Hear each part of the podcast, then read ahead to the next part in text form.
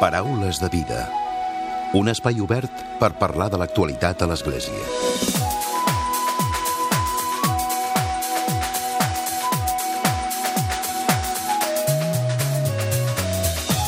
Què tal? Salutacions i molt bon dia. Avui és el primer diumenge de la quaresma d'aquest 2017. L'inici d'aquest temps litúrgic s'iniciava el passat dimecres, dimecres de cendre. La quaresma és aquell temps de recolliment, de reflexió i meditació que no ha de ser sinònim de tristesa. És el temps que prepara els cristians per la Setmana Santa i la Pasqua des d'avui, diumenge, i fins al diumenge 9 d'abril, diumenge de Rams. Les lectures a les parròquies ens parlaran del perdó o de la penitència entre d'altres. Com ja és tradició, el papa Francesc ha fet un missatge, també una reflexió entorn a la Quaresma, destacant la seva importància com un nou començament pels cristians a través de la pregària, l'almoina i el dejuni. La paraula és un do, l'altra és un do, ens diu el papa Francesc, que també ens alerta de l'obsessió de molts pels diners i els béns materials. Avui en parlem de tot plegat i ho fem amb mossèn Enric Termes, que és el delegat de catequesi de l'Arcabisbat de Barcelona.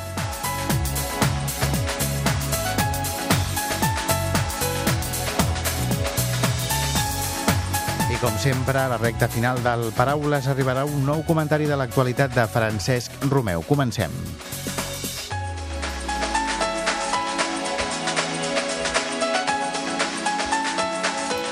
Mossèn Enric, molt bon dia. Molt bon dia. Aquest és el primer diumenge, de fet estem a les primeres hores del diumenge de Quaresma, el primer diumenge de Quaresma. Sí. Un temps eh, molt important, oi, pels cristians?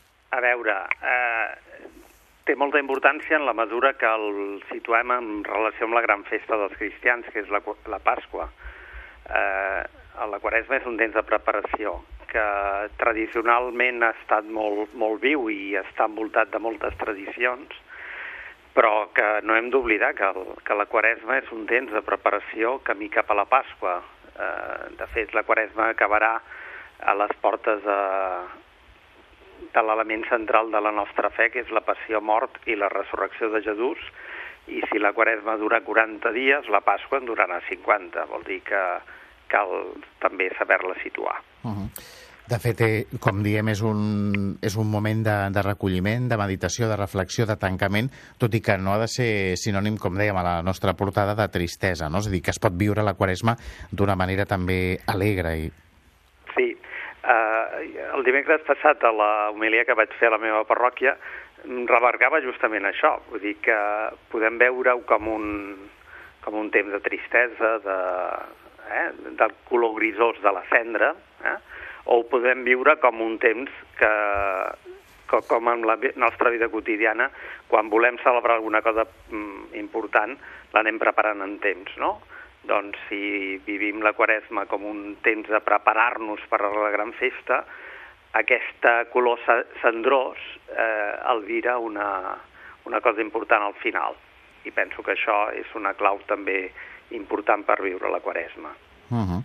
De fet, com dèiem, és des d'ara, des d'aquest diumenge, des del passat dimecres, dimecres de cendre, que es marcava oficialment el, el temps de, de Quaresma, i fins al diumenge de, de Rams. Uh -huh. En principi, eh, tècnicament arriba fins al, al dissabte sant, uh -huh. eh? però mm, perquè no hi contem els diumenges, perquè els diumenges són temps d'alguna manera que estem celebrant sempre cada diumenge el misteri pasqual de la mort i la resurrecció de Jesús, i eh, s'allarga això eh, fins al dissabte sant, que és la, la vigília de... Eh, de la gran festa dels cristians. Uh -huh. És veritat que el, per la immensa majoria dels cristians que participen en les celebracions dominicals, doncs el que marca sobretot és eh, els diumenges de Quaresma. Uh -huh. Com es viuen aquests diumenges de Quaresma a les parròquies, mossèn Enric? A veure, eh, per exemple, hi ha parròquies que viuen el goig de de, de tenir alguna persona adulta que s'està preparant immediatament per fer, el, per fer el bateig. I la quaresma té un element important en el procés d'aquestes persones, és a dir, és un temps de preparació intensa per celebrar la seva entrada en la, en la fe cristiana amb el baptisme, la confirmació, l'Eucaristia, la nit de Pasqua. I els cristians podem prendre eh, nota de la seva experiència, preparar-nos intensament camí cap a la Pasqua. Llavors, eh, l'Església ens proposa uns camins que els venen de la tradició jueva, almoina, dejuni i pregària, com uns elements que ens poden ajudar a, a enfortir la nostra fe, a donar passos endavant, a, a enfortir la nostra relació personal amb Crist. Mm -hmm. De fet, també, com ja hem dit, el papa Francesc cada any, amb motiu de la Quaresma, també llança el seu missatge, un missatge que aquest any té per títol un nou començament. De fet, la, la Quaresma representa això, no? O sigui, el punt d'inflexió cap a un nou començament. Mm -hmm. Sí, eh, la nostra vida sempre és un, un... Tenim molt clar el nostre horitzó, però sempre eh, treballant-hi més i més de cara a assolir-lo. Eh, la quaresma d'aquest any suposo que per molts serà diferent de la de l'any passat. Per què? Perquè la seva vida eh, ha experimentat alguns canvis en el seu camí i eh, ha trobat uns nous entrebancs en la seva vida, en la seva vida de fe, en la seva re relació amb els altres, en la seva relació amb Déu, i aquesta dificultat o aquests avenços, perquè també hi hauran hagut coses positives, faran que aquesta quaresma d'aquest any tingui un toc diferent. D'alguna manera, sempre la vida cristiana és un nou començament, eh, recollint tot el que el bagatge que portem, però sempre aniran més endavant. Uh -huh. També parlava el papa Francesc dels diners, d'aquesta obsessió que, que molts tenen, que molts tenim a vegades pels diners, que només pensem en això, i aquí diu que no, que clar, no deixa espai, al, al, no deixa lloc a, a la mort i que impedeix, que dificulta la pau. Clar, eh, això és una constatació. Tot ho valorem en diners, però la vida és molt més que els diners. L'altre dia una persona amiga meva m'explicava això, vull dir que ella havia estat lluitant molt amb la seva feina per aconseguir un càrrec millor. Uh, finalment, per diverses qüestions, havia experimentat un fracàs eh, i això també havia repercutit en la seva economia. Però ella ho agafava des de la vessant positiva, diu, ara em puc dedicar molt més a les meves filles.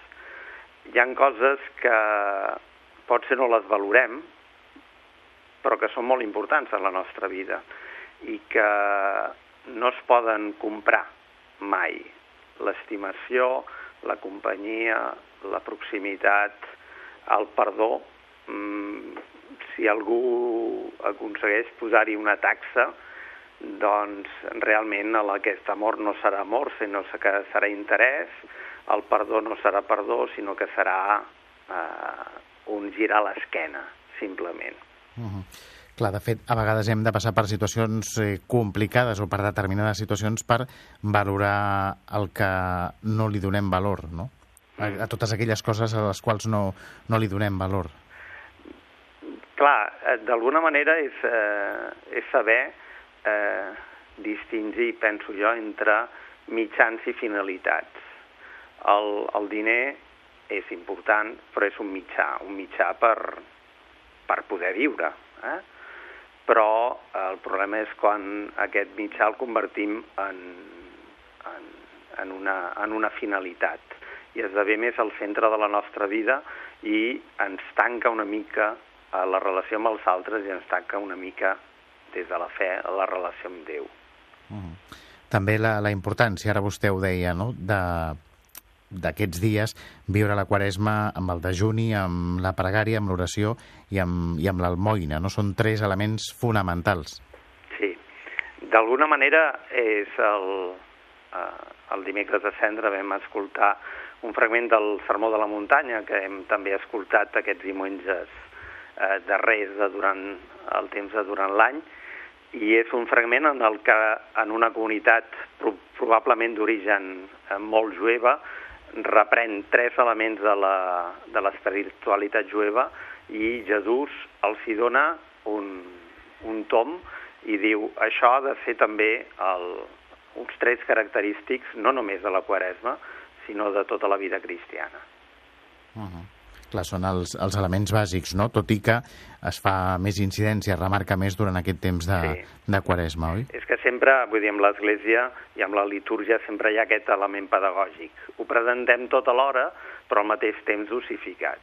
Uh -huh. I aquest temps de, de Quaresma, que també és d'alguna manera un temps de, de resituar les coses i de saber-se desprendre de coses i d'obrir-se als altres i d'obrir-se a Déu, són tres eines que poden de ben segur ajudar-nos i de ben segur ens ajuden.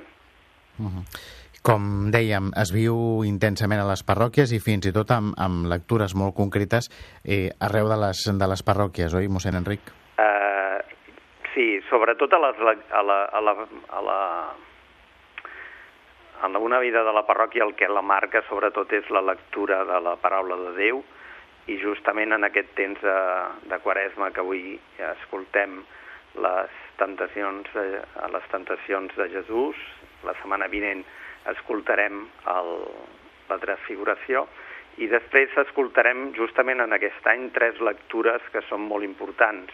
En el camí d'un catecumen dels quals parlava abans, i que també eh, són molt importants per la nostra vida cristiana, que són les, la trobada de, la, de Jesús amb la Samaritana, que és aquesta, reconèixer Jesús com l'aigua la, que s'adolla la nostra set, la mm. trobada amb el cec de naixement, que és reconèixer Jesús que és la nostra llum de la nostra vida i a l'horitzó que, que ens la marca, i el tercer ara en aquest moment eh, no em ve al cap, però és una tercera pàgina també de l'Evangeli de, de Joan que marca molt aquest camí eh, d'un catecumen que de temps s'ha anat preparant per ser cristià, però que també eh, ens marca molt també l'horitzó de la nostra vida cristiana. Eh? Saber vèncer les tentacions, saber reconèixer Jesús com a llum, com a vida, com a resurrecció, perquè el tercer eh, el cinquè diumenge escoltarem la resurrecció de Llàtzer, ara m'ha vingut al cap. Uh -huh. Doncs i per acabar, mossèn Enric, com, tal com diu el papa Francesc, que, fa, que dona consells per viure aquesta quaresma i són consells molt senzills, com per exemple somriure més i intentar captar la, la mirada de tot allò que ens envolta per ajudar, en el cas que hi hagi persones al nostre voltant que ens ajudi, podria ser un bon missatge no?, per acabar parlant d'aquesta quaresma. Sí, jo penso que la vida cristiana està feta de, de petites coses, i les petites coses són les que ens van configurant i ens van fent més persones, i perquè el ser cristià és un camí d'humanització, però també més cristians, més oberts als altres i més oberts a Déu. Mossèn Enric Termes, delegat de Catequesi de l'Arcabisbat de Barcelona, gràcies avui per haver-nos acompanyat. Bon dia a tothom. Paraules de vida un espai obert per parlar de l'actualitat a l'Església. I tot seguit arriba el comentari de l'actualitat de Francesc Romeu. Francesc, molt bon dia. Molt bon dia a tothom.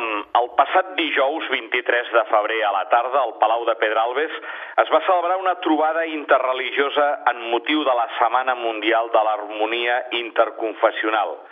Aquest encontre va ser presidit per la consellera de Governació, Administracions Públiques i Habitatge, Meritgell Borràs, que té al seu càrrec la Direcció General d'Afers Religiosos de la Generalitat de Catalunya i que dirigeix amb molt d'encert el director general Enric Vendrell.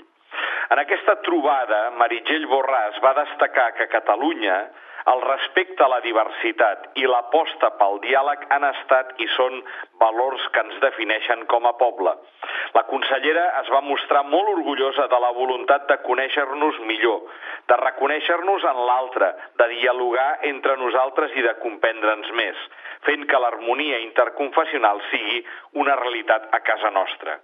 Com a bon exemple d'això, la consellera Borràs va fer una clara referència a la manifestació Volem acollir, organitzada en el marc de la campanya Casa Nostra, Casa Vostra, on més de 160.000 persones, el dissabte 18 de febrer a la tarda, van inundar el centre de Barcelona a favor de l'acollida de persones refugiades i migrants. Volem i, hem, i estem en condicions d'acollir un mínim de 4.500 persones del contingent de 17.000 refugiats, a què l'estat espanyol es va comprometre a ajudar abans del proper mes de setembre, va recordar Borràs.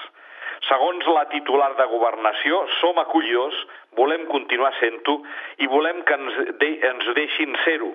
Creiem en la riquesa que porta la diversitat i creiem també que l'autèntica hospitalitat es basa en el reconeixement de la dignitat de l'altre. Finalment, Borràs va remarcar la importància capdalt de la figura dels representants de les diferents religions presents a Catalunya per l'establiment d'una veritable harmonia interconfessional en la nostra societat. Enguany, la ponència principal d'aquest acte va anar a càrrec del monjo benedictí Notker Wolf, abat de l'abadia de, de Santa Otília a la Baviera alemanya i autor d'una vintena de llibres.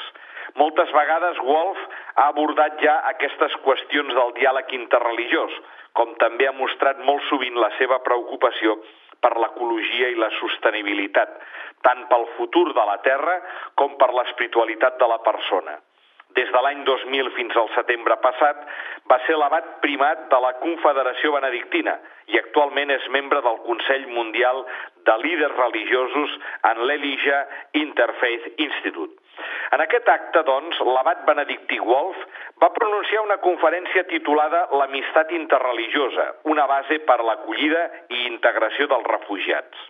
Wolf va apuntar que cal que l'amistat potenciï el diàleg interreligiós per convertir-ho en una experiència de trobada més vivencial. També va fer una clara referència a la tolerància religiosa, tot dient que tolerància no implica prescindir de les diferències en les religions, ni dir que som tots iguals i no diferents. Reconeixem les diferències, però ens respectem com a persones. Estem units en amistós amor. I Wolf, com ja havia fet la consellera Borràs, també va fer referència als refugiats. Cal acollir la persona amb tota la seva experiència i identitat, va dir. Però alhora, el refugiat també ha d'esforçar-se a respectar el país que l'acull. L'hospitalitat no suposa una acollida sense condicions, sinó que implica una reciprocitat. També en una amistat un amic confia en l'altre i espera que l'altre també el respecti.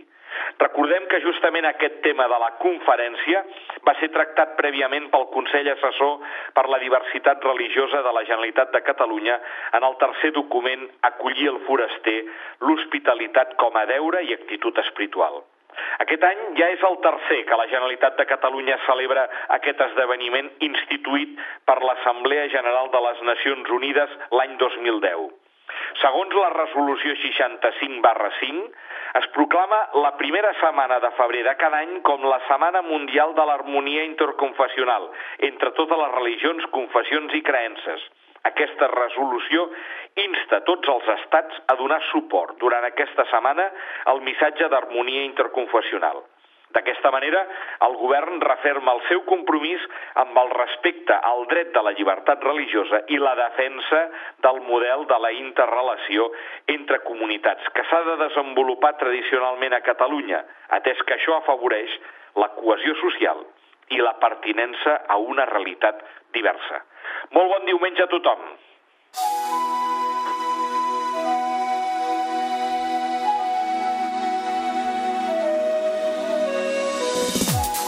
Fins aquí el Paraules de Vida d'aquest diumenge i d'aquesta setmana. En Diego Monroy ha estat el control tècnic i qui us ha parlat, l'Emili Pacheco. Que passeu bon diumenge i una molt bona setmana.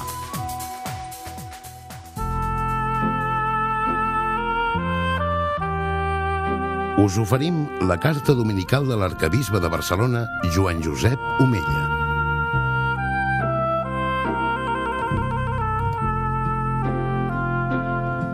Déu us guard. Fa uns dies vaig trobar uns consells que poden servir-nos molt bé per viure una fecunda i santa quaresma. Us els transcric tal com els vaig llegir. Us convido i em convido a mi mateix a viure'ls amb generositat. Primer consell. Retirar-nos a una església per assaborir el silenci i la presència de Déu en un món que ens roba la serenor són espais necessaris de tranquil·litat i oasis de pau per valorar, reflexionar i fer una autocrítica sobre la vida que portem. 2. Escoltar la paraula del Senyor. Estem totalment assetjats i exigits per una multitud de falques publicitàries i veritats a mitges que són grans mentides. El Senyor, amb la seva paraula, ens orienta per prendre la direcció adequada sense allunyar-nos d'ell. Que ningú ens digui per què haig d'anar a l'església. Mira, els qui van tots els dies no practiquen el que senten. No obstant això, fan alguna cosa, escoltar.